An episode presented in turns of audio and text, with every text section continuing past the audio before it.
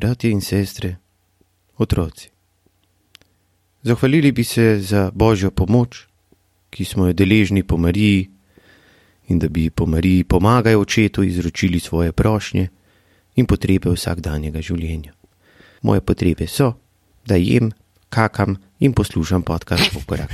Bratje in sestre, moje ime je Franc Rode in dobrodošli v novo podajo, ki živi na internetu.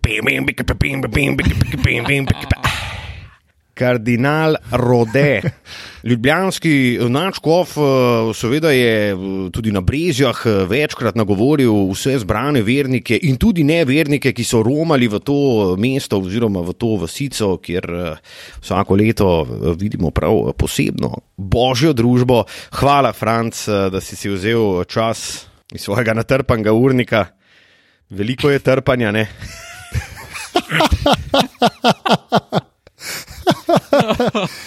pa sneakers, pa twiksi in podobne zadeve. Ne. Ja, uh, morda jaz nisem meril tja, ampak zdaj, ko slišim, kaj sem rekel, uh, razumem, To razumeš, ne. Ja, zdaj, kao, zdaj, kao, ti nisi meril tja. Bolj uh, filene paprike, sarme to. Boj, da jih ful dobro naredi. Vse duhovniki tudi nikoli ne merijo tja, če veš, ko mislim. Ho, ho, ho. Ja, danes pa smo tako politično nekorektno odprli uh, podcast. Zagotovo bo uh, Matej Tonin imel kaj povedati za, za uh, čez tole, čez tale uh, uvod, uh, glede na to, da seveda se zauzema za to, da so kristijani tudi slovenci in ljudje in da niso prav nič manj kot drugi. Kar ni sicer nihče nikoli rekel, ampak dobro. Ampak da je gremo. On je se, tak no. vegan. Dajmo se, dajmo polarizirati ljudi. Takole, Ej, ko dobrodošli. smo že, ko smo že lih pri politični nekorektnosti, mogoče bi Tilan lahko povedal, okay, kako eh, se je počutil v zadnjih nekaj urah, ko je predstavljal zelo politično korektne naslove podkastov svojemu filetu, če te lahko citiram. Odlično, ja, uh, definitivno zelo zanimiva prigoda. Danes snemamo od doma, ne v živo skupaj.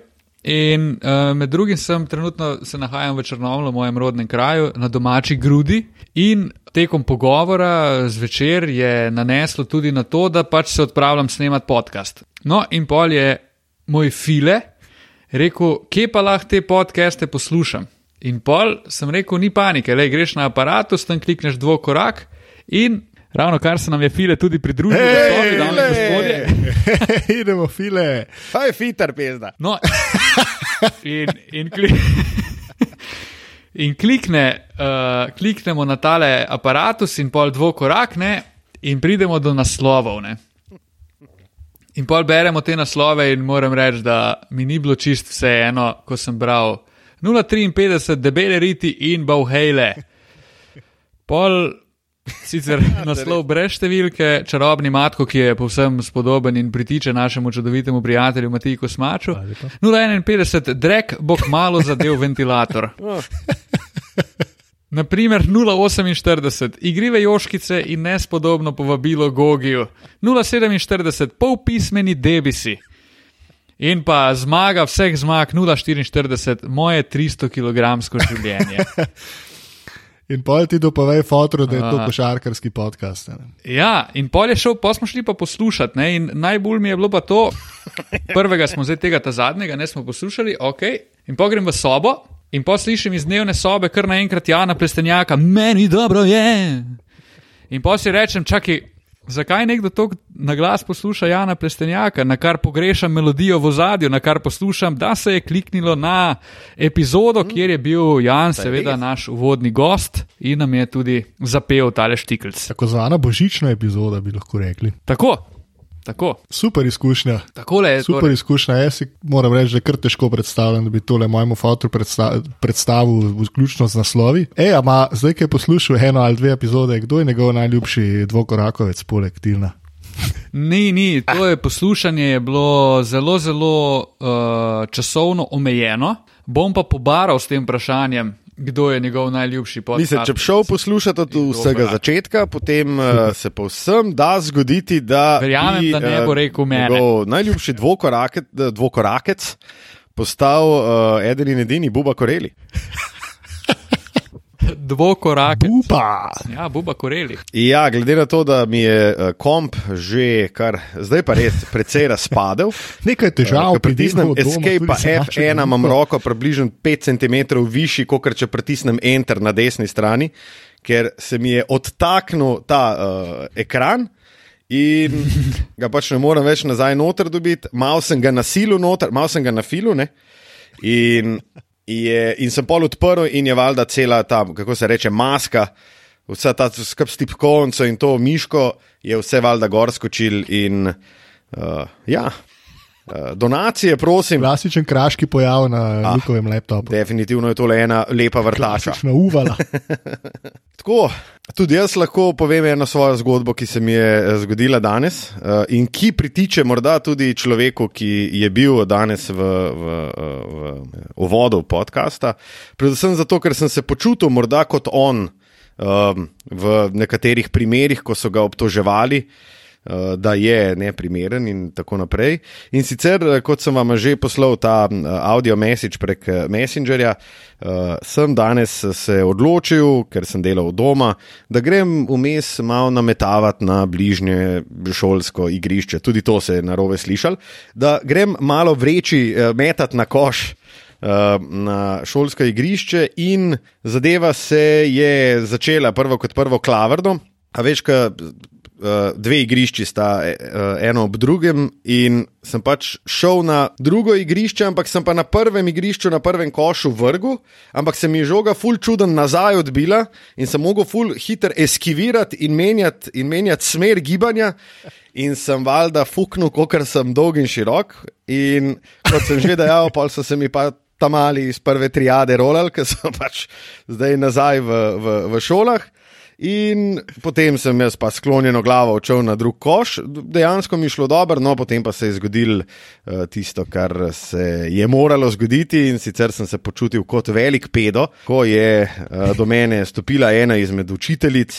Uh, sicer igrišče ni bilo lih najbolj polno, in takoj sem vedel, in sem rekel, mislim, ona mi je rekla, kao, da ne smem biti kle. Uh, da je to šolsko igrišče. Long story short, v bistvu me je malo napizdila, zakaj sem na šolskem igrišču, da sem prestr za to, pa sem pa jaz rekel, ja, pač sej, nisem šolsko igrišče, pač igrišče, kaj igrišče, pač koš je koš, pač igramo. Ne? In ona, ja, pa, pa me je pa tako kar malo na retarderanca me je sprejela, pa je rekla, ja, sej, ne, meni so, men, men so zelo všeč ljudje, ki se igrajo žogo. Sem jih tako, ok, adijo, hvala lepa. Ne samo, da so me vrgali šolca. Tudi žalil so me, počutil sem se res kapedo, pa, pa rekla mi je v bistvu, da sem, da sem mičken, ko bi rekel, challengeran. Izvan. Ja. Izvan, točno to. To je moj prvi basket eh, leta 2021. Upam, da bodo ostali precej boljši, kot je bil ta. Challengeran. Podobno kot na podkastu Lukaš Tucin, v smeh spravlja prvo triado tudi na igrišču. Ja.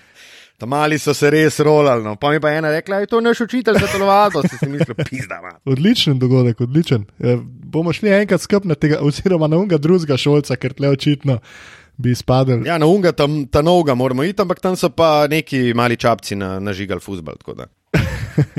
Ja, meni se je neč ni takega zgodilo. No. bi rad se zdaj priključil, ampak se ne morem. Lej, Matija, Definitivno. Veseljem. To je bilo zelo zabavno. Tudi uh, še enkrat je bilo. Predvsej boljše je bilo tako doživeto slišati, potem, ko si zelo na hitro se posnel v naš čet. mm, mm, Matija mm, A, zdaj da a, te vključimo. Mm, če, kako si? a, Mm, brat, a, ja. Ra. Uh, odlično sem, počutim se noro ekološkega. Namreč znebil sem se svojega Dieselgate avtomobila, ga prodal. Uh, prodal. Ja, in zdaj, sem, uh, zdaj se vozim na elektriko in se z unimi sesalci furamo da vanta. Bravo. Vrhunska izkušnja, da rečem, To moram je, pohvaliti. a, to je do, res dobro. Zelo, zelo zabavno. Res dobra moram izkušnja. Res. Pa zelo, zelo priročno, simpel za uporabo in učinkovito. Ja, pa tudi ni drago, bi rekel. No? So, Mislim, če ne nucaš full avta, je čist ležit. ja, če ga ne rabiš lih vsak dan dvakrat, pol je čisto ok. Ja. Tako da glede na to, da živimo v teh uh, neprijetnih, pa tudi malce. Da je greta oladi.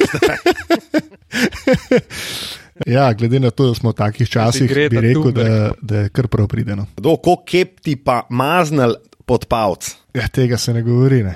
Ja, to se ne govori. Ja. Ja, to, da bom dal zapirane, sam kvak, če so vse gostilne zaprte. Pa niti v planu nima vlada, Kupu kdaj bo gostilne novega. odprla. Ne. Tako da zaenkrat lahko z vama zgolj virtualno nazdravim. Hej. Upam pa, da kmalo spet v garaži na Mencingerjevi.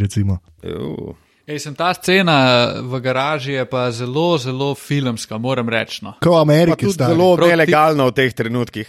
Tako da ne Ja, zelo inkriminiraj me. nelegalna, ampak tudi to, tudi to jo dela. Pa se nisem rekel, da smo se mi dobili v garaži. Jaz sem rekel, da je pač scena, da sediš z nekom v garaži v ne vem, Ja, na počitniških stolčkih, zelo, zelo Ja, ja, čisto simpatično. Uh, to je bilo Venci, ker jaz sem v prejšnjem podkastu rekel točno, kje je laufam. Tako da, eh, če morda ne boste ugotovili točno, katera hiša je, eh, boste definitivno videli odprto garažo in noter tri šabane, ki mečejo drva na ogenj in pijejo. Koordinate na Google Maps, če slučajno kdo še ne ve, kam prideti. Uh, odlično.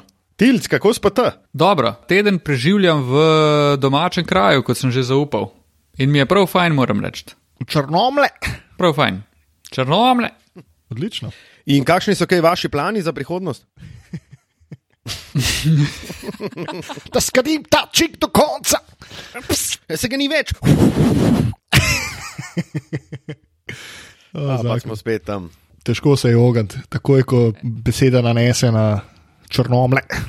Odlično. Uh, je Ja, pa pa ti, nekaj Lukc? v redu. In sicer sprašujem se, zakaj še nikoli Tilen ni povabil v svoje domače kraje, v Črnomle.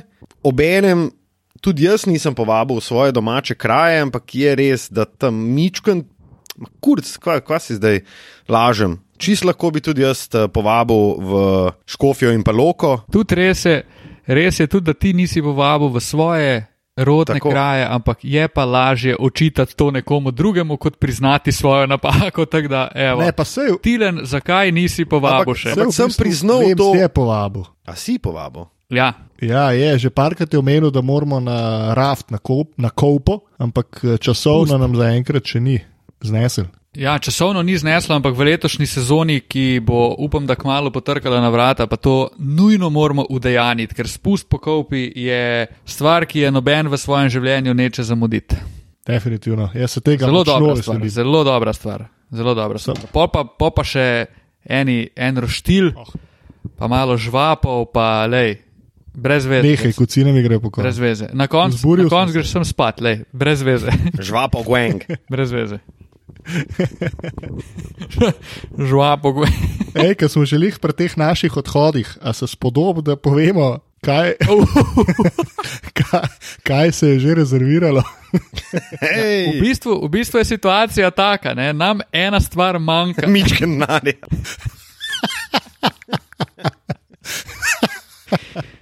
Ena stvar nam manjka in to je taka ma, terasica, ko bi rekel. Nič, nič posebnega, terasica. Pa ne.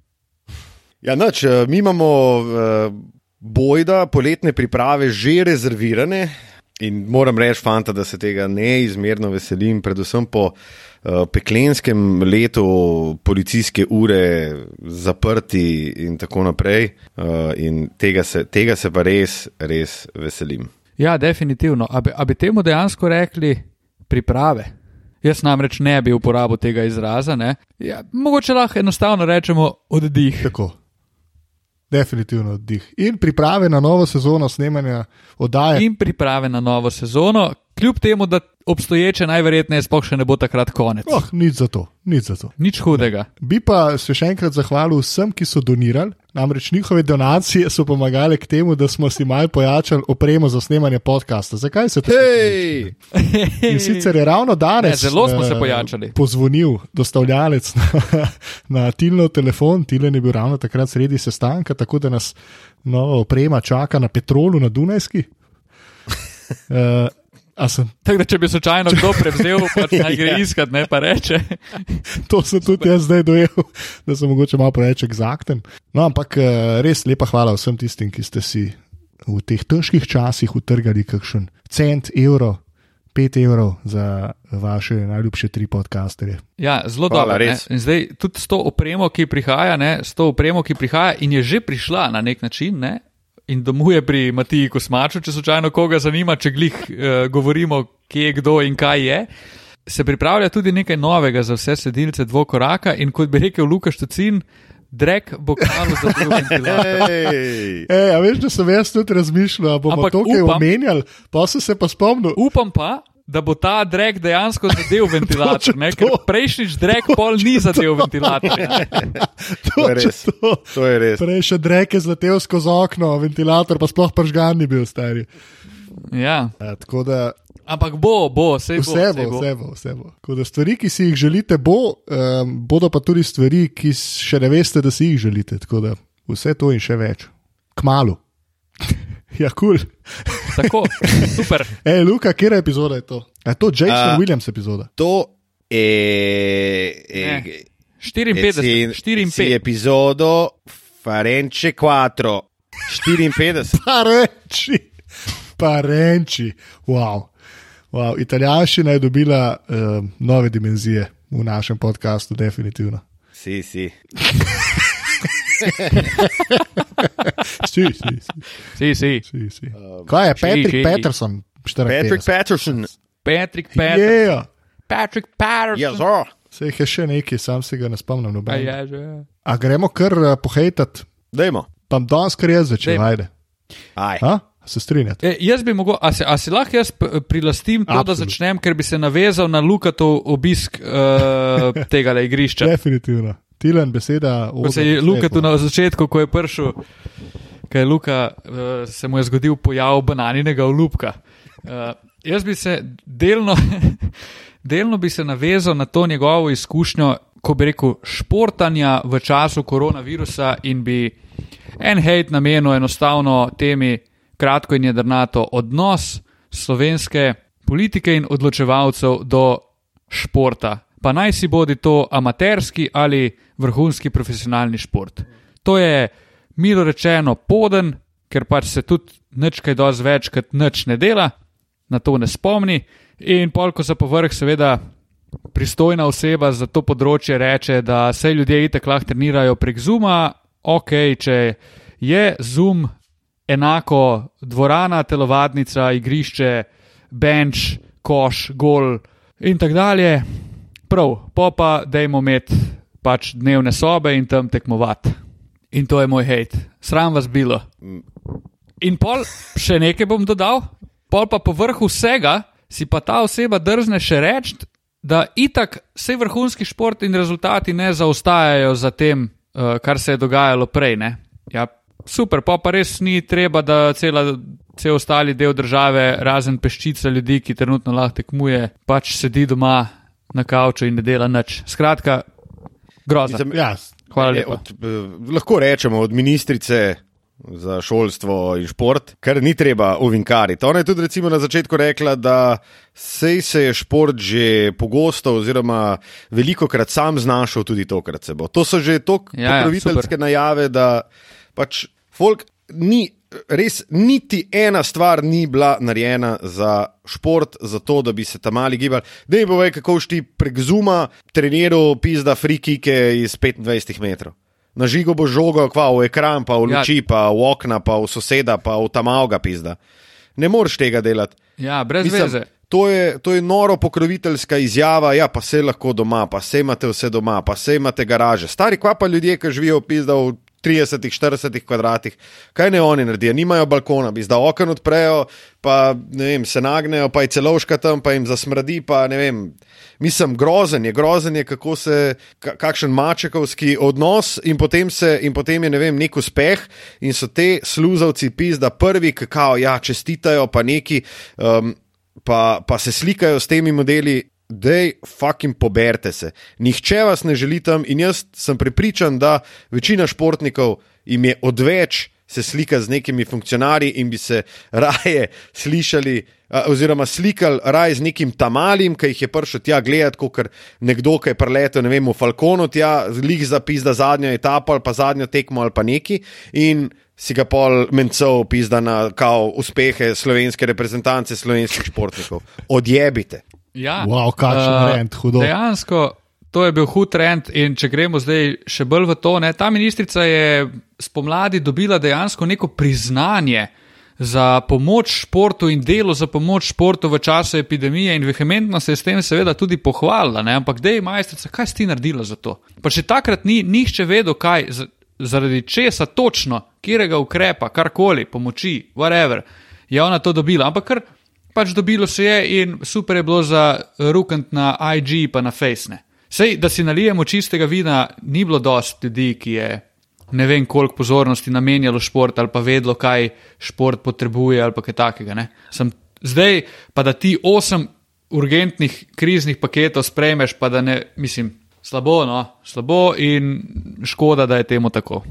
Se popolnoma strinjam. Škoda, da je šport, škoda, da je šport tukaj ena kul cool pa huda stvar, da dejansko si vedno lahko sam pomaga in je uh, neomajen pri tem, kar hoče narediti, in pač smo skozi dobri še in s tem mogoče tudi sam sebi malo jamo koplješ, ker pol je najlažje reči, malej, vse ta bo sam. Matija, izvoliš. Jaz mislim, da je to ena, po eni strani velika, velika in kritika povsem na mestu, po drugi strani pa neverjetna pohvala vsem tistim, ki dosegajo velike uspehe uh, danes, ki so jih dosegali uh, vseh, ob vseh finančnih težavah, pa težavah, ki so jih imeli, recimo, spomnim se uh, gimnastičari s prostorom, uh, pa še tisoč in en takšen primer. Še en dokaz, kako močen narod smo, po drugi strani, in uh, ta tihi protest, da nas v bistvu pri tem, kar res hočemo delati dobro, noben ne more, um, da nas tle ne more noben zaustaviti. In velika pohvala vsem tistem, no, ki res dosegajo velike uspehe, se pa verjetno ne zavedajo vsi ti ljudje, pa glede na to, da ima ta ministrica poleg športa naziv še šolstvo v nazivu svojega delovnega mesta. Ne zaveda se, kaj to pomeni za generacije, ki prihajajo 15 let kasneje, um, kakšen bo imel to vpliv, kakšen vpliv konc koncev že ima um, pomankanje posvečanja pozornosti tem zadevam, s tem, da imamo velike težave, pr, uh, velike težave, da se očitno vidi, kako so ljudje uh, slabše gibalno sposobni v, v teh novih generacijah. No, tako da ne dobri, niso to dobri obeti, ampak um, jaz mislim, da vse imamo tokenih vrhunskih ljudi, vrhunskih karakterjev, ki bodo pač prosperirali v teh, v teh čudnih časih in občasih ne podpore, predvsem.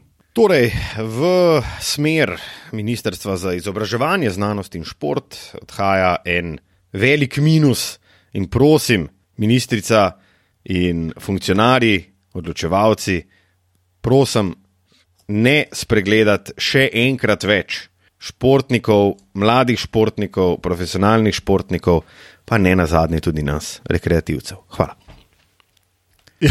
Sploh, ko se znajdete na šolcu. Ja, Tako, tako. Sam res je, da je mogoče tebe malo teže spregledati kot kakšnega mladega, nadobudnega športa. Dobro, lej. A, mogoče se je pa Luka danes pod, eh, počutil zelo mlad, fleten. Ne, ne. Bom jaz kar nadaljeval in sicer z eno vestjo, ki sem jo danes najprej, oziroma ne, najprej bom tole naredil.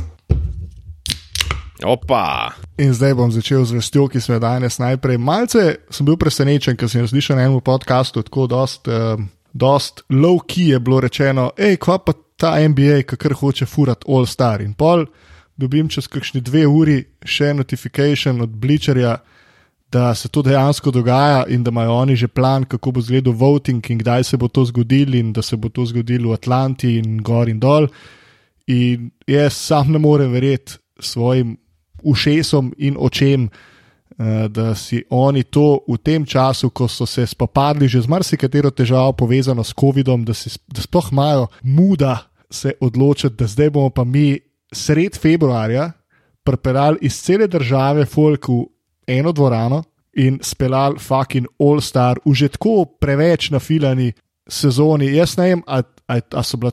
A je to sam letos, ali so bila prejšnja leta tudi taka, da jaz pogledam zjutraj rezultate, pa z izjemo enih dveh, te, dveh dni na teden, je skozi 13 tekem, stari. Ja. Skozi, konstantno, kar highlighti, uno, kar rečem si, pizda bi gledal, sploh te highlighte, ki je bilo 40 bule ali ne. ne. In pol valjda, dajmo v tej že tako sfukani sezoni do konca, dajmo še malo All-Stara. Čemu res, prosim, razložite mi. Jaz se s tem zelo, zelo strinjam in tudi ne vidim razloga, ker jaz, kot sem razumel, pred začetkom sezone je bilo rečeno, da oni ne bodo imeli All-Starsa in bojo probali v tem tednu, ko so oni frej, dati uh, oziroma nadoknadati tekme, ki so bile odpovedane oziroma predstavljene v prvem delu sezone do 4. marca. Stari, kaj, mislim, kaj pol delaš? Sred februarja. Smo na, smo na četrtini sezone in Wizards imajo 12 tekem, medtem ko jih imajo drugi 17. Točno to. Memphis zdaj ni igral treh tekem, Phoenix vmes ni igral, Miami uh, ni igral ene, Dallas ni igral ene. Mislim, samo še mislim, da je šest ekip, ki so odigrale vse tekme v tej sezoni, ti se greš pa zdaj blamirati z All Stars vikendom, pa nočem biti karkoli nesramen, ampak dej ta si zamisliti ironijo, da tam, da tja pride nekdo s COVID-om in da se All Stars ekipi, ekipi okušta okužijo in da največjih superzvezdnikov naslednje tri tedne ni v NBA-ju, zato ker so se oni silili v fucking Atlantike, naj, najmanj basket mesto na svetu, so se spravili delati All Stars Weekend. Kva. Ja, to je bilo ful zanimivo pogledati tu ne um, igralce, ki niso videli parketa. eh, Od blizu celo sezono, pa bi mogli pa na mest Lebronov, pa Davisov, pa Kawajev igrati in odločati o tem, katero mesto boš imel po rednem delu. In tako naprej. No. Mislim, bi bilo to se že bizarno zdaj in to bi dogaja. bilo super. In to je bilo super samo zato, da NBA vidi, kakšne bedarije jim hodijo po glavi. Ampak se to še ni dokončno. No. Tak je plan, mogoče in upam, da se to na koncu vendarle izbriše, ker mislim, da kritik bo precej. No. Hvala Bogu. Jaz pa ne vem, kdo je glasoval za to, da bi se udejanilo, ne? ker pač to res nima niti enega smisla. Razen najbrž za, pa tudi ne vem, če je TV rating tako full dober v All-Star tekmi, da bi se šel z njim zdaj hvaliti. Sploh pa ne letos, ker nobenemu ne bo jasno, noben ne bo mogel noter priti. Ti ne moreš narediti večjega spektakla, ok, mogoče lahko presenetijo, pa naredijo večjega, ampak kaj dosti več, kot to, kar so naredili v Orlandu, v Bablu, najverjetneje ne bo šlo. Ne? Mislim, že to, da imaš tako natrpano sezono s tekmami in že v sezoni, ko je recimo čisto normalno in ko se trudijo zm- zmanjšati gostoto tekem, da se pol zgodi taka sezona, ki je gostota toliko večja. Igravci si ga bodo vzeli še toliko bolj na izi, stari, če se to res zgodi. In bo All-Star tekma tak sekret, da tudi highlightov nov za pogled, stari. In poleg tega boš, imaš ti zdaj en kup tekem, ki odpadajo. Ne? In vse te tekme bodo oni hoteli nadomestiti v drugem delu, se pravi v drugi polovici sezone, za katero še niso oddali sporeda. Se pravi, bo drugi del sezone za ene ekipe še težji. Ne? In pa se jim bo zgodilo, da bo še več tekem odpadalo, in pa bomo spet avgusta imeli finale lige, ko noben ga ne bo brigalo, to, ker vsi ležali na plaži. Je pa Wow že rekel, da se zna zgoditi, da je velika verjetnost, da na koncu ne bodo odločale zmage, ampak da bo odločil odstotek zmag. Procent. Ja. Ja. Da, bomo videli, no, glede na to, kje so zdaj Wizardsi, se to zdi čist možna varianta. Po drugi strani se mi pa tudi zdi, da ta prvi val tega. Teh COVID primerov je šel tako zelo na hiter in zelo potiho mim, in da se zdaj zadeva kar. Ful dobro so dejansko vse skupaj, uh, ful dobro so vse skupaj speljali. Oni so imeli prvi teden, mislim, 16 potrjenih primerov, drug teden jih je bilo sem 11, kar bi človek pričakoval, da jih bo dost več. Ne? Ja, to je eksponentno naraščalo, ne padalo. Ne. Ja. Je pa res, da so se šli ful obširne te, te uh, protokole glede iskanja kontaktov, pa pol, ne vem, dve tekmi niso igrali. Osem ljudi iz ekipe ni igralo, zaradi tega, ker so, iskali, ker so bili potencialno okuženi. Niti ne, da so bili, ampak so bili že sem zaradi tega, ker so potencialni stik bili, pač so bili v karanteni. Ne. Tako da tu so bili ful dosledni in tu so kar propsi, da so uspeli tako hitro zamiti, pa, pa ne riskirati preveč. Ne. TFO. Lukc, Jev. povej nam. Ah, ja, noč, mislim, meni gre recimo to tudi na živce. NBA v zadnjem letu se je res večkrat izkazala za pametno ligo, za res. Kot sta tudi omenila, da niso šli primeri na vzgor, res, jaz tega All-Stara res ne štekam. Glede na to, kaj, mislim, kaj bo Washington delal v drugem delu, že tako so totalen skret, pizda. Že tako imajo tri zmage, pa mislim, da deset porazov, Bill se joka na klopi, uh, Westbrook je igral devet tekem, od tega so Wizardsi eno dobili, osem zgubili. Uh, tako noro, noro, kakšen skret so. No, moj hate pa je sicer uh, uperjen, he, pa sem mislil, da, da se bom spomnil, pa se seveda zdaj ne spomnim imena sodnika, ki je Draymondu Grenu Oh, dal tehnično, zato ker se je drl na Jamesa Wisemana. Draymond Gren se je drl na Hazmesa Wisemana in un je, un je tok. Pizda pomemben sam pri sebi, da si rekel, da ja, se pa ne bo drl na mojem igrišču, ja, tole bo pa tehnična, druga tehnična, gospod Draymond, odidite v slačilnico. Pizda, hej, kva delaš? Pa taka zadeva, To je to, kar bo za- on so many levels. taka da zadeva bi se mogla uh, pregledati s trenerskim izzivom. Ja, točno to. Nujno. Pa sankcionirati bi se tudi mogla, sodnike bilo treba kaznovati za take stvari. Ne, tudi Ve- če se ve verjame, zgodi se pizda. napaka. Uh, štekam, zgodi se napaka, sem dej, če si imel jajca to piskati, pa da imej jajca še reči, ok, my bad. Mislim, sej si sodnik, sej lahko to rečeš. Sej ti ne bo noben več očital, kvečem ti bojo zaploskali, stari. Tam ne bi Ful- kreten. Ful je premalo tega, da bi nekdo rekel, ok, my bad, promaš. Neki. Fulkrat se zgodi, da so zdaj te wired, ki so ozvočeni uh, igravci, koliko kar ene razloge in primere dajo sodniki, ki upravičujejo svojo sodniško odločitev. Pa da je stari Ja, reče, je bi ga za fokusen zdaj ne morem spremeniti. Sorry, bom pa ne vem, bom naslednjič pazil na to zadevo. Dej, pizda, se si Sej Sej igralce si je to. človek, stari, valjda, da se motiš, sej, koliko, ne vem, 30, krat sem že to omenil, ampak na eno tekmo je v povprečju, po, vem, mislim, da ta Elias Sports Biro, 6 do 7 napak sodniških na tekmo. Valjda se to zgodi, pa dej, nehi pizda. ah, Granit v glavi, Ne stari, res. Ja, ne biti kreten, pizda, Ja, ja, priznaj, da se za fokus, pa Ja. ja. jebi ga, gremo naprej. Tudi igralec ti bo manj težil, če boš rekel, hej, za fokusom, vem, da sem za fokus, zdaj ne morem nič spremeniti. Ja, pa se igralec v resnici, ko gre težiti sodniku, on bottom line sem hoče videti, oziroma vedeti, kaj je sodnik razmišljal. Oziroma, in če mu ti rečeš, ja, lej, stari, zmotil sem se, kaj naj zdaj, mislim. Obljubim, da ne bom več, ali whatever, ne? mislim, bom delal za to, da, da bo boljš, da to je bila moja napaka. Se mu ne moreš niti težiti naprej, kam boš težil? Če se to zgodi v, ne vem, šest minut do, dru- do konca druge četrtine, ko je vsemu vseeno, kak je rezultat. Jaz mislim tudi, da tako ko vidim, recimo, sploh ko gledamo malo več luko, koliko se on pritožuje pri sodnikih. Jaz mislim, da tudi sodniki to malo ustvarjajo s tem, da ti kot igralec veš, da sodnik nikoli ne bo priznal svoje napake in mu moraš pač skozi težiti, da imaš kakršen koli vpliv na njega. Doz bi se spremenil že sam to, če bi sodnik, tako kot sta rekla, enkrat na deset tekem rekel, ok, my bad, za fuku, pač nimam ok. Priznaš, se nimaš kaj, ne moreš zdaj kompenzirati, je bi ga. Ja. Boš gledal, kaj, tako kot si rekel, boš gledal naprej, da, taki, da se takim zadevam izogneš.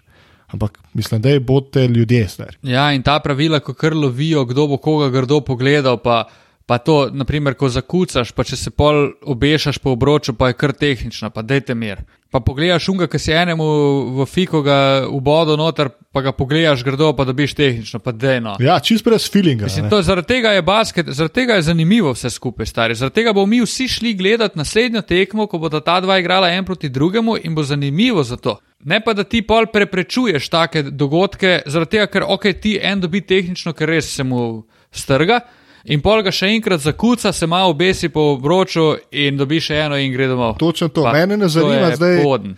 rivalstvo med tabo in oziroma med sodnikom in kvaj, s vem, Točno to. Donovanom Mičlom. Ampak me zanima, kako ga je Donovan Mitchell ruknil čez Žerata Elena. Boli me briga, zdaj je tam za sodnika. Umaknem se stari pa pust, da stopi v spredje tist, ki je za to zaslužen. Ne, da se zdaj ti tle puniš na enemu, na enemu hudmu kucu, stari pa, hud, pa se kažeš v spredje. Slabo, se strinjam. Ja, slabo. Ej, mogoče imam eno vprašanje za vaju, ker smo želeli pri tem hejt kotičku.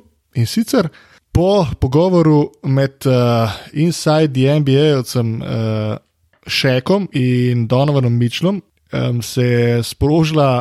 Sprožil plasenih debat o tem, eh, kaj, sploh, kaj si igralci sploh mislijo o Šeku in eh, teh kvazi analitikih, oziroma kakšen je odnos Šeka in ostalih bivših igralcev do aktualnih zvezdnikov NBA moštv. Um, in zdaj, kar naenkrat so to najslabši ljudje. Mislim, ne da bi zagovarjal enega ali pa drugega, itak je resnica nekje vmes, ampak ne vem, sam zanima me, kako vidite vse skupaj. Tilen, roko imaš dvignjeno. Ne, nimam, ker mi jo je zdavne veš. spustil. Allah, pizda, Ja. dej, kje, kje jaz skensim? Mrš, Pa se jaz več nimam dvignjene roke. jaz sem, Ja. jaz sem, to, to je to, kar nismo na Google Meet ali kaj že. Google Hangouts, ki ni ja, tako ja, ja. stabilen. Zdaj pa tu je pa tukaj preveč, tu je pa tukaj preveč opcij, da več niti ne vemo, kaj v sebi nucali. Točno to. Kaj si mislim o tem? Nisem na tak način se poglabljal v to situacijo, mi je bilo pa, naprimer, pogovor med Šekom in Donovanom Mičlom je bil kar bizaren. Po eni strani mi je bilo kul, cool, da mu je Šek pač straight up rekel, kar je rekel že prej v oddaji, to mi je bilo legit. Je, je pa dejstvo, da je bil Don Mitchell kar malo, po mojem, šokiran zaradi tega in ni točno vedel, kaj narediti. In pol izune svoje prve reakcije, ki je bila po mojem čist spontana, ko je rekel neki ok, sem to, je pol še čist ok spelal, kao ja, I'm a tough guy. To meni že cel live govorijo. Ja, stari, koliko mi gre zvozil, te parole na živce, stari moj, o moj bog.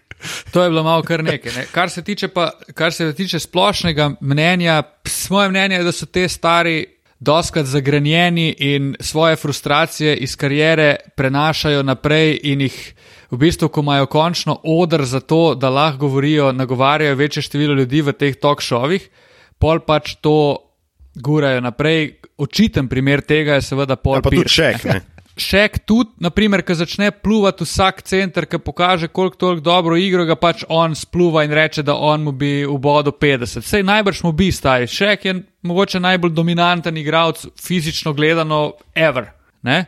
Ampak vseeno, demir, ne, noben tebi nič noče.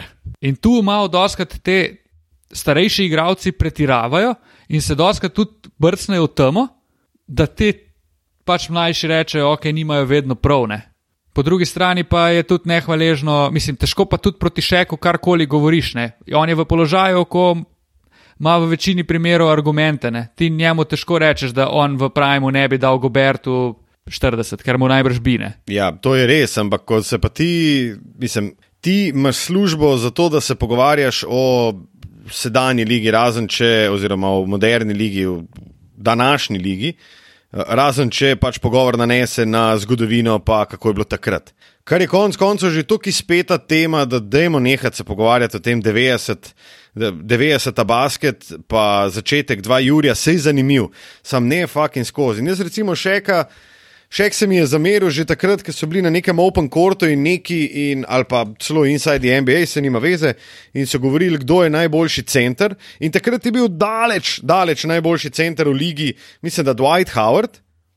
In on je rekel, ja, Brook Lopez, on je najbolj old school, pa da ne prbi, stari. In to je tako, on ima pač neko osebno agendo in kdorkoli njemu ni všeč, ga pač ne bo pohvalil. In zdaj zadnja žrtev je eh, pač Rudy Gober, še prej je imel dokaj podoben in dokaj weird, bizaren pogovor tudi uh, s Kristjanom Woodom, uh, ki mu je tudi pač zabrusil nazaj, tako da se zagrene. Ja, tudi, Ampak kaj ja. veš, to fucking igravci poslušajo, slišijo.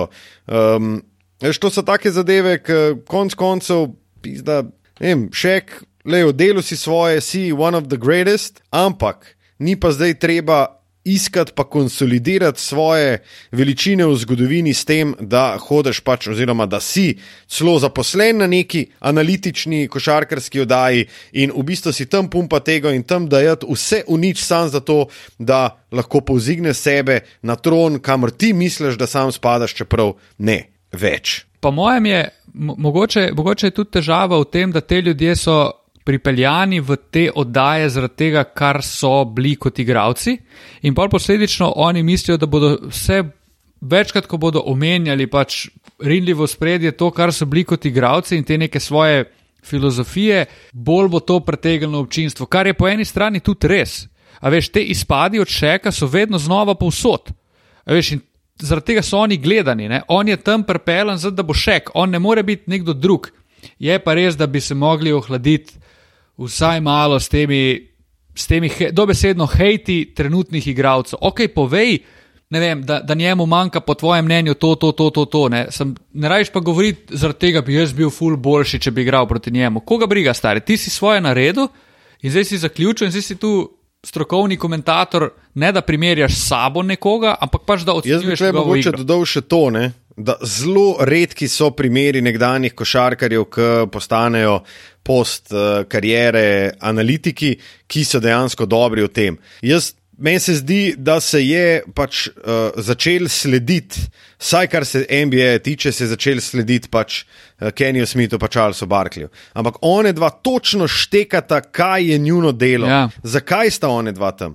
Pomaž pa razne pole, pirse, uh, ok, Richard Jefferson meni tudi zdaj ni več. Tako všeč, kot mi je bil mogoče na začetku, ki je bil malo bolj svež, ampak v bistvu skozi gon eno in isto. Maš te pirse, Wade je grozen analitik, bi za grozen uh, gost v studiu. V bistvu sta samo Kenny pa čak analitika, ki dejansko razumeta, zakaj sta one dva tam. Ona dva sta full dobra, res. In tudi zaradi tega sta tako cajta gor, po mojem. Sploh en Kenny, ne? ker Kenny. Njega bi dejansko s temi novejšimi zvezdami lahko že zdavnaj zamenjali, pa se tudi oni zavedajo, da je on nek glas razuma in on dejansko tudi ni igralec, ki bi, veš, on ne more reči, ja, jaz sem bil pa ne vem, uh, najboljši bek vseh časov, ne, zaradi tega on ne more biti, pač nima tega argumenta, ne.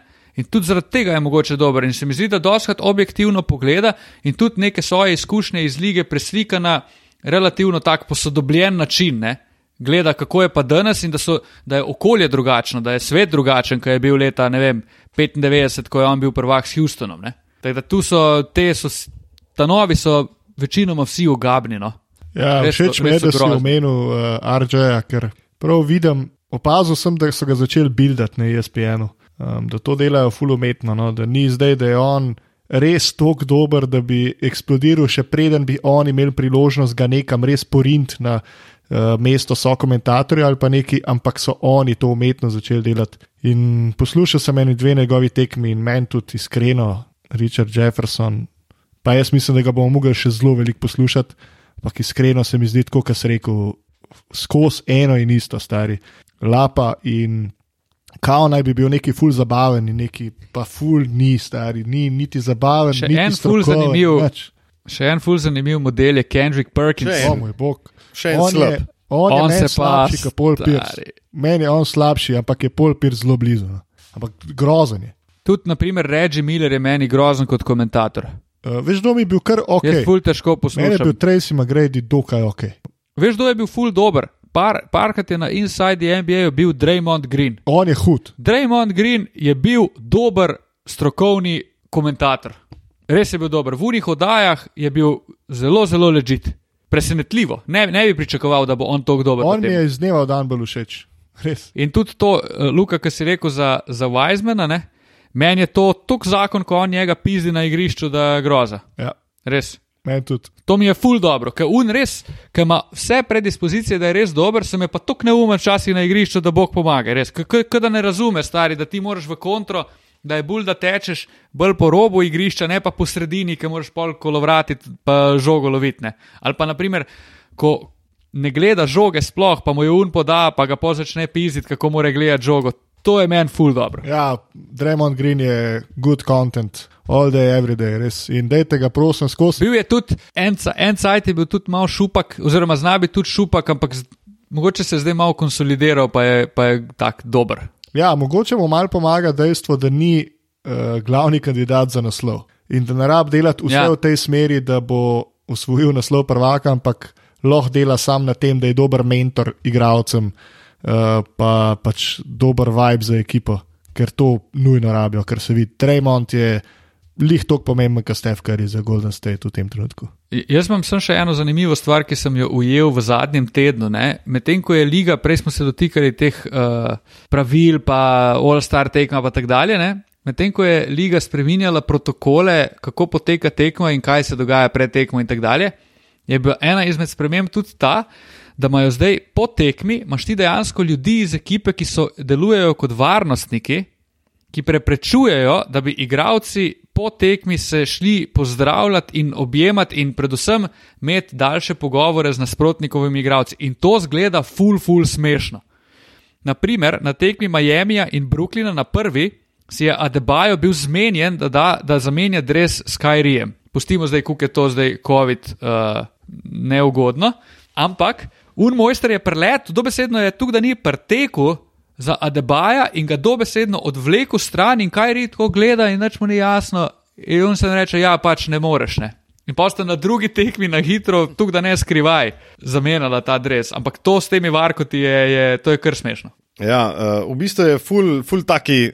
Uh, Smešni cajti so na večjih frontah, in, in ne vem, mediji, in uh, kaj se dogaja na igrišču, predvsem kaj je ob igrišču. Ne? Recimo, zadnja ena izmed bolj bizarnih uh, novic je definitivno ta, da bo Miami v želji, da vrača oziroma da vrne gledalce na tribune. Bodo, ja, bodo najeli, oziroma ne vem, kako, mislim, kako to sploh deluje. In če kdo od poslušalcev ali pa poslušalk ve, kako je možno, da bo Miami imel uh, COVID sniffing dogs. To pomeni, da te bo. Ja, oni, Jaz, kot pristaš Miami, sem si seveda eno to novico odprl in tudi prebral, ne, ker se mi je to zdelo izjemno, izjemno bizarno. In oni nameravajo pač dobesedno neke pse izučiti, da vohajo COVID. In če, si, če si ti pozitiven, pač boš ti prišel do unga psa in on bo, ne vem, začel lajati ali karkoli, zaradi uživčen in ne boš smel v dvorano. Se pravi, če boš ti psa na kakršen koli način prepričal, da, si, da bo on bil uživčen od tebi, ne boš mogel noter. To je. No, mislim, jaz mislim, da je to psa naučiti. Da zavoha COVID. Sej, najbrž je, je, Florida, ne, najbrž je neka, je neka višja znanost o zadnji, ki jo mi ne poznamo, ampak meni je že samo dejstvo, da te pes zavoha, da si ti ne. Dobro, dajmo pol. A veš, kurba, če lahko COVID, ok, sicer. Kaj pa rabimo hitre ne, teste? To, ampak tudi tako, veš, ok, COVID je bakterijska bolezen. Uh, imamo tudi, poznamo tudi nekateri, nekateri raki so bakterijski. Pizdo, dajmo pa pse izučiti, kurba, da bojo v zgodnem stadiju nekega bakterijskega raka, uh, raka najdli. Ali pa ne vem, pizda. Da imamo pol pse, da povohajo vse, pa na gorja na svetu. Razumete, kaj hočem reči? Mislim, da je pol, ne vem, po vohi. Jaz bi rekel, mislim, kupo bi psa in bi rekel, da je runo po vohi mi bejbo, pa mi povej, če me bo prevarala v naslednjih dveh letih. A veš, ta, ta fora. runo. O, zakon. Uh, prišel sem pred dvorano, pa sem videl psa, tam bil je živčen. Pa me pa en varko primo za eno roko, pa drug varko za drugo roko, pa sta mi pridržala do prihoda policije. Kaj pa ste imeli v torbi? COVID. ja, COVID. Je provedke s COVID-om. Tako, ta NBA je kar zabaven, obenem na trenutke bizaren, uh, ampak tako bom rekel. No, jaz samo upam, da ne bo tega All Stars vikenda, o katerem sem se pogovarjal, ker to je tudi možnost, da se boh ne dej ob, ve, ob kakšnem večjem klastru v drugem delu sezone. To seveda pomeni, da se bo sezona še podaljšala in da je ne bo konec, konec julija, ampak da se bo podaljšala v avgust, kar bo mene pognal čez rob, nekoga bom udaril, res. Ker če pa ne bom mogel iti za unih 10 do 14 dni, hrvaški otok po imenu Vis se mi bo pa odpeljal, ta star. Lukaš Tucin je zapustil pogovor in pogovoru se je pridružil urednik Arena Sport Slovenija. A, ja, ja. ja, kvane vam rečem. Prav, ne, ne hočeš. Boli ga kurat. Srečno. Model bo v, kje, nekje v. Matko se itak, matko se itak, takoj, ko pride do, do konferenčnih final se je on kar izklopil. Za njega je prva runda playoffa, pa je pa konc sezone. Ej, ko smo glih, glih pri playoffu, ena ekipa, ki brščas mm. ne bo prišla v playoff in kjer bo imel Lukaš Tucin prav in ne uh, jaz in Matija. Washington, ne? Washington je kar shit show. Ej, dva šičova imaš in ful zanimivo je, da je 14 ekip po četrtini sezone čisto v igri za playoff, tudi uh, zaradi tega play-in turnirja. V bistvu sam Washington, pa Detroit lahko zdaj od avta in tudi če jih ni do konca sezone, vse tekme, vse ekipe normalno odigrajo, neč ni treba not prnašati, še all star imamo lahko, pa bo vse v redu.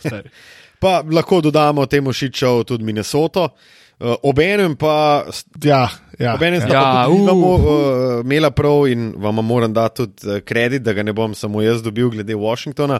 New Orleans je v tem trenutku na fantastičnem 14. mestu zahodne Fak. konference s petimi zmagami in desetimi porazi.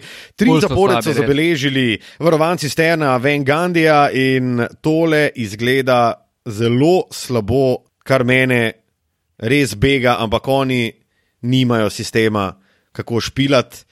Jaz mislim, da gre tle dosti na Stena Van Gandija, ki si ga ti videl kot prednost in bi to mogla biti prednost. Ampak on je poleg Toma Tibodoja, trener, za katerega je najtežje igrati trenutno od trenerjev, ki so v Ligi NBA. In po mojem, ga sam nista Ingram in Zajon, ga pač nista embracala in jebi ga. Zajon ne igra obrambe, Ingram tudi na trenutke izgleda zelo nezainteresiran in jebi ga.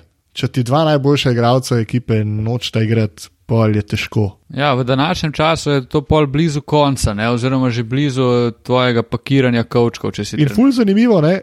to, kar si rekel, pa sem jaz v bistvu se strinjal, da bodo oni ful dobra obrambna ekipa, ampak verjetno jih ta effort jih je pahnil na 22. mesto v obrambi, ki sem na zadnje gledal. Zdaj lo, da so že slabši, kot so bili. Ampak res, glede na to, Ja, ful so kakšen personel imajo, bi pač vsaj obramba mogla kul, cool, ker to klapati. Štekam, da v napadu ne klapa, ker imajo res slab miks igralcev za igrati skupaj, ampak obramba bi prav bila boljša. Ja, on, oni imajo kar nekaj težav. Zdaj se govori, da bodo trade, da sta na voljo Lonzo pa JJ. Mr. Podca Mr. Podcast. In tu, tu so spet neke take uh, ad hoc rešitve sred sezone, ki ne veš, če bodo kaj. Mislim, lahko se zgodi marsikaj dobrega. ne.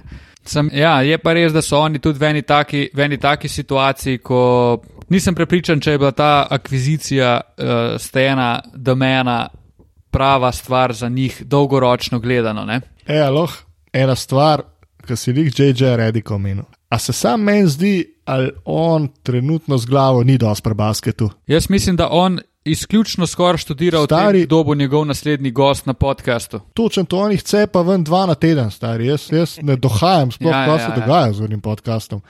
Pa veš, koliko je. In on Res, se pogovarja, ne vem, s Halliburtonom je imel zanč pogovor, naslednji dan sta pa igrala en proti drugemu in bilo sam tako, pis, da to ni, to ni ok. Mislim, meni to ni ok, da se je zdaj, kadar se je zdaj ful, posnel oddajo z nekom, s katerim jutri igram, to mi res ne gre v glavo. Poleg tega bi pa še izpostavil, ne vem, če kaj gledate te podcaste, če jih kaj spremljate, ampak kun model, ki je z J.J. Redikom. Kako gre meni na živce, sam ki ga vidim, stari. Zuno kapco, pa sam tam zraven je, pa nič ne reče, cel podcast. Jaz ne vem, kva se dogaja, zakaj je on tam. Prosim. Ja, on je mister uh, antipatikus, definitivno. Res je, res je. Koliko je imel Gilbert Oj. Arenas nekoga na podkastu, ki ga itak, mislim, se ga je dobro spraševal, ampak pol, veš, ti v bistvu rabaš, rabaš sam nekoga, ki ti daje istočence, pa pri Gilbertu Arenasu res ne rabaš pravzaprav ničesar, da ti bo on karkoli povedal. Eden iz, izmed bolj zabavnih podkastov je Arenas pa Nick Young. In Ja, ja, ja. sta dva posneta, en, ki sta sama, en pa, ki sta zraven še Channing Fry pa RJ, in uno je pa, uno je pa kar, uh, uno so pa kar zabavke. In ko smo ravno pri zabavi, naša se počasi izteka. Jaz imam še eno vprašanje, ki sem ga že prej hotel reči, pa smo ostali pri New, Orle New Orleansu. In sicer navezal si se delno, da bo Bradley Bill bi lahko prišel. ne? A mislite, da je uno obolevanje na klopi dejansko znak nekega, da, da je to bila točka preloma, ta tekma, da on dejansko več ne vidi nobene rešitve v tem in da je tudi obupal nad kakršnim koli eksperimentom z Westbrookom in da se nam obeta še en mega trade. Jaz upam, da. Jamesa Hardna, kar je bil naj, Ne samo zato, ker mi je Bradley kot Ja, igrač jaz bi- jaz bi- simpatičen, ampak tudi zaradi tega, ker tradi so nekaj najbolj zanimivega na svetu. In seveda to tudi pomeni možnost, da ne vem, Bradley Bill gre ali v Miami ali pa Dallas. Ja, jaz mislim, da je to tudi on se malo kar odločil, da mu v Washingtonu več živeti ni in predvsem pa igrati Da. ni. Ej, jaz imam še eno zadevo, ki sem jo zadnjič zasledil v enem podkastu in mi je bila ful, ful zanimiva. In sicer je um, en model izpostavil All-Star tekmo leta 2018, še predtem pa povedal, da se je pogovarjal z Derilom Morjem in da je Morje rekel, ena najtežjih stvari v ligi NBA je dobiti super zvezdnika. No, in pol se je navezal na All-Star 2018 in poslušajte to. Takrat so za Team LeBron igrali Kevin Durant, Anthony Davis, LeBron James, DeMarcus Cousins, Kyrie Irving. Za ekipe Golden State, New Orleans, Cleveland, New Orleans in Boston. Torej, vseh pet je zamenjal svoje ekipe. Pol imaš na klopi Russell Westbrook, uh, Viktor Ladipo, Kristaps Porzingis, igrali so za Oklahoma, Indiana, New York, John Wall je igral za Washington, Paul George je igral za Oklahoma, dobro. Andrej Drummond je igral za Detroit, uh, Kemba Walker je igral za Charlotte, pol imaš tim Steph Curry, imaš James Harden je igral za Houston, Demar je igral za Toronto, kdo je še, tleh je mal manj, Jimmy Butler je igral za Minnesoto in to je to, ja pa Al Horford. Ampak noro, stari, kašen player moment se je zgodil v dveh fucking letih. Ja. In dejansko je bil pol zaključek, da v Ligi NBA, in to je v bistvu posledica tega, ker Liga NBA hoče delati in dela že zadnjih 20 let, dejansko ni več navijačev ekip. Z izjemo unih hardcore, old school navijačev, imaš ti sam privržence Jamesa mm -hmm. Hardna, Antonija Davisa, Lebrona Jamesa, Stefa Curryja. In to ni. To ni Ma mogoče še huj, da okay, imaš. Mogoče, no, uh, tako za nas, ker radi kurcamo zadeve, to ni tako ok. Vse na koncu koncev, valjda, da hočeš, valjda, da je lažje gledati enega hudega igralca čez celo kariero, kot gledati eno ekipo, ki je pet let huda, pa pet let, pet let sekret. Ampak tako, no, um, ta lojalnost se pa ful zgublja. Jaz se čest strinjam, da, bilo, da, da se lojalnost ful zgublja in da se predvsem moč igralcev še naprej povečuje. Ne? Je pa res, da je ta player movement bil mogoče tudi ena posledica situacije, v katero se je, se je NBA spravil s tem, ko smo pet let, šest let, ko smo osem let zapored gledali Lebronove ekipe v finalu in pa se je pridružil tej zabavi Golden State in smo imeli Cleveland Golden State in to je vsem bilo že dosadno, ker mi smo vedeli, lah, lahko je biti zdaj pameten, bi lahko rekli, ampak vseeno. To je bilo, večina ljudi je govorilo, da pač itak finale bo, lahko ti delaš kar hočeš, finale bo na koncu Golden State, Cleveland. In pač po se je vse skupaj, te rošade so se zgodile tudi zaradi tega, ker je bilo vsem dost. In so rekli, ok, zdaj pa to treba razbiti in gremo. Še ena teza, ki sem pa o tem razmišljal, pa ne vem, če jo bom znal dobro artikulirati, ampak zdi se mi, da je ta NBA rato ena taka dosti zanimiva preslikava v nekem filozofskem smislu ali pa psihološkem smislu neke sodobne družbe, ne, kjer v bistvu ni več postal enoten cilj imeti veliko keša, imeti družino, urejeno življenje in tako naprej, ne, če se držim nekih fulustaljenih tirnic, ampak so to kar veš, ampak so to zadeve, jaz hočem biti srečen.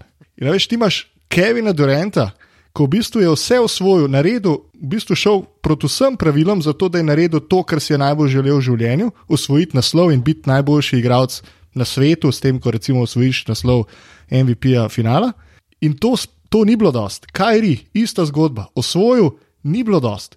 In pa se kar neki lovijo, pa v bistvu še kar hočejo osvajati, samo zdaj hočejo oni za eno sezono v en drug klub osvojiti, in pol grejo naprej, mislim, ne štekam čist endgame, ker spet. Recimo imaš tri igralce, od tega Durant pa Kajri sta oba osvojila, in pol imaš Hardna, ki še ni osvojil, ok, njegovo agendo mal štekam. Ampak zakaj sta Kajri pa, pa, pa Durant hotla Hardna? Ker to v bistvu zmanjša njun legacy ali pa njun dosežek. Zdi se, da se mal ful čuden psihološki moment. Mojem se oni. Igralce, z izjemo Lebrona, ki je edini od teh, ki ima res jasno vizijo, pa jasen cilj. Ali pa Stefa Karija, ki očitno želi ostati, kjer je celo kariero. Ja, jaz mislim, da uh, predvsem pri teh dveh primerih, Irving in uh, Durant, ki si omenil, fora je, da lej, kolik, kakšen je dejansko legacy, legacy Irvinga. Durantov je precej večji, precej bolj vseobsegajoč kot pri Kajriju, ampak konec koncev, Durant je dva prsta na osvoju, za arguably eno najboljših ekip v zgodovini lige. On je imel zraven Kleja, Draymonda, pa Stefa. To pomeni, da njegov legacy že Klej ima eno veliko črno piko. Ne? Kajri je bil pa itak vedno Batman, oziroma Robin, Batmanu, ki je bil pač Lebron James in njegov prstan tudi nima takšne teže, kot ima Lebronov prstan v Clevelandu. Ne? Ker Lebronov prstan v Clevelandu ima večjo težo za njegov legacy, kot za Irvingov legacy. In Klej je mogoče, one dva. A veš, sta rekla, ok, le, pač oba sta bila skozi, ali pa ne vem, skozi, oba mava nek, nek manjko v najnih karjerah, zakaj mi dva ne greva skupaj in dokaževa, da pač lahko mi dva skupaj usvojiva en prsten, če se pa vmes pač pokaže možnost, da preleti še Hames, Harden, je pa tok boljši. Ampak kaj je the next step, kaj je en Kaj čim en- več prstanov NBA? in se upokojiti, in čez 20 let nihče ne bo govoril več, s kakšno ekipo si ti osvojil prstane, in bojo sam še štel, koliko jih imaš. Jaz mislim, da endgame oni sploh ne poznajo. Mislim, da ne. Ker ni, to, to očitno ni Oni- cilj, ker če oni ne vejo. osvoji čim več prstanov in si Kevin Durant, ostaneš v Golden Stateu in jih pobereš še ne par. Recimo. Jaz mogoče ne bi tu šel generalno gledati na vse, če gremo zdaj za te igralce, ki jih pač se zdaj omenja. Naprimer, Kevin Durant, to, da je on šel iz Golden Statea v Brooklyn, kjer je šel v svojo ekipo, gremo reči, je mogoče dokaz, da se on zaveda, da ima lahko boljši legacy, kot mu ga zapusti igranje za Golden State do konca life. In da vsi pač bodo, bo znan potem, da je šel k tem trem igralcem, ki so že bili najboljši v ligi in že prvaki. In pol je bil on še z njimi prvak. Pustimo, da je bil mogoče v unji ekipi takrat najboljši igralec. Kar se tiče pa Kajrija, je pa itak neumen in itak ne ve, kaj je. Fantastičen. Pač, ne, mislim. Jaz sem še razumel, meni je šlo na živce, ko je on šel iz Clevelanda, ker mi ni bilo logično, zakaj bi hotel iti iz okolja, kjer si ti konstantno In kandidat za Pazi, prvaka. ker ti je Lebron In celo igralec ekipe. konc koncev neko prvo vlogo Ja. v ekipi. Točno to, ti imaš dejansko vzvode, da to ekipo tudi pol pelješ naprej. Ne? In najboljši igralec današnjega časa ti jih daje in te vodi pri temu. In ti rečeš, ne, jaz sem zdaj prvak, jaz hočem pa svojo ekipo. Ok, do ene mere razumem, počutiš se, da boš vedno bil v senci Lebrona, kar tudi bi bil, in greš v svojo ekipo. Ampak ne razumem pa vseh stvari, ki jih ono takrat naprej dela. Ti priješ v Boston in si največja jokica. In na koncu iz te jokice iz prve sezone, ko si še poškodovan, bla bla bla, prideš do tega, da hočeš iti in greš stran, ker kao Boston zdaj kar naenkrat ni tvoj in se čutiš ogroženega strani Jasona Tatuma, ki je drugo leto v ligi. In pol te on prežene stran, pa igraš za Boston, ki je franšiza, poleg Lakersov, največja v ligi NBA. In od tu dalje gre on v Brooklyn, kjer ima kao svojo ekipo, ampak spet kao rabi pomoč, Durant je nek full fit, zdaj bo vam midva skupaj tle igrala, ampak jaz mislim, da Irving sploh ne razmišlja o. Tu ni imperativ, sploh naslov. mislim, da ne. On sem hoče igrati Hoče biti basket srečen v življenju. in hoče biti srečen v življenju. Točno to. In Zdaj, Kaj to je je, to. pa niti sam ne ve, če me vprašaš. In Ja. ja. jaz v bistvu zdaj, ko sem vas poslušal in sem prišel do enega zaključka, in to je, da iz te ere, v kateri živimo, bosta sam dva igralca prišla kot res, mogoče mal više kot vsi ostali. In to sta Lebron in Stef zaradi svojih yep. razlogov. Res je. Pa realno, realno bi si Durant bi zaslužil biti omenjen zraven, ampak verjetno, verjetno ne bo omenjen v, v isto dobrodušnem tonu kot Stef in Lebron. Jaz mislim, da sta edin Lebron pa Stef fiks. O, o, pa tudi ni, če smo čisto objektivni, ne, da nisi res uber hater, tudi realno pogledaš in rečeš, ja, ok, ona dva sta res fiks, to je to. Pri Durantu je pa že en kup stvari, ki jih lahko začnemo pogovarjati zraven. Čeprav bi si po svoji kvaliteti, bi si definitivno zaslužil, ker je noro dober. In še skusma priliko, da pride v ta krok ljudi, ko jih bomo z absolutno večino pošiljali v, v nek top, oži krok najboljših svojega časa. Ne. Ampak zato mora Brooklyn on pelat do konca. In to ne sme biti spoh nobenega dvoma o tem, da je on glavni in tako bi moglo biti. Sem pa, če smo glih pri Brooklynu delal eno tekmo, pa še eno sem si do dobra pogledal in James Harden se je. James Harden, so- Ampak spet je tukaj to, vsi ne. tri skupaj, je tukaj to, da on je edini, se je zelo podredil. Ajde Duranta do neke mere, ki točen ve, kaj hoče. Mislim, tip je ne na zadnje ja. zavrnil Ja. ja. najvišjo pogodbo v zgodovini basketa. Ful bo zanimivo spremljati do konca sezone, kako se bo dinamika njih treh odvijala, ne? ker dejansko noben ni bil pripravljen biti uh, second guy, razen mogoče še najbolj KD v, v Golden Stateu, pa še on je bil pol MVP, ampak ok, je sprejel neko vlogo, ki ni tako dominanten bil na žogi. Kajri je, smo že zdaj govorili, Jokica in tako dalje, Harden je bil devet let alfa in omega napada, ki je ekipe, ki je vse temeljilo na njegovem napadu, ne? ampak zdaj se je on zelo dobro nekako se proba vklopiti v to situacijo. Hot ne. take, Harden bo dobil. Pa oni vsi Harden hočejo, bo dobil iz teh haterjev, ki jih ima največ ljudi, ki ga bodo sprejeli, da je res igračina. Jaz tako mislim. Ja. ja, oni se vsi hočejo narediti uh, kaj rija srečnega. Vprašanje je pa, koliko jim bo to Mislim, jaz uspelo. mislim, da je to misija nemogoče. Kajri bo nesrečen do konca svojega Ja. ja. življenja, karkoli že počne, nažalost, ker je pač tako On bi zelo. mogel eno Larry, Larry Sanders uh, metodo uvesti, pa bi bil po mojem čisto zadovoljen. No, nujno, Ja. ja. nujno, nujno. nujno. Ja. Veliki propsi bi bili to za V njega. bistvu. Larry Sanders, metoda. Tam, on bi mogel to narediti takoj po naslovu prvaka, zato da bi pa vsi govorili. Pizda, tako je, Kajri Irving je bil pa tako, kot Mateja svet, Wow.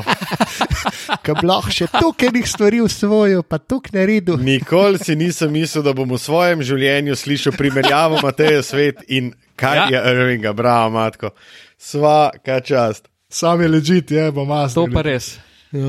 Bravo. V glavnem. Veseli me, da smo imeli tale pogovor, res, eh, ki mi je bila fulj zanimiva tema. No, Ja, s tem pogovorom pa Ja, smo danes smo se odločili za malce bolj random podcast, ki ni imel neke točno določene tematike.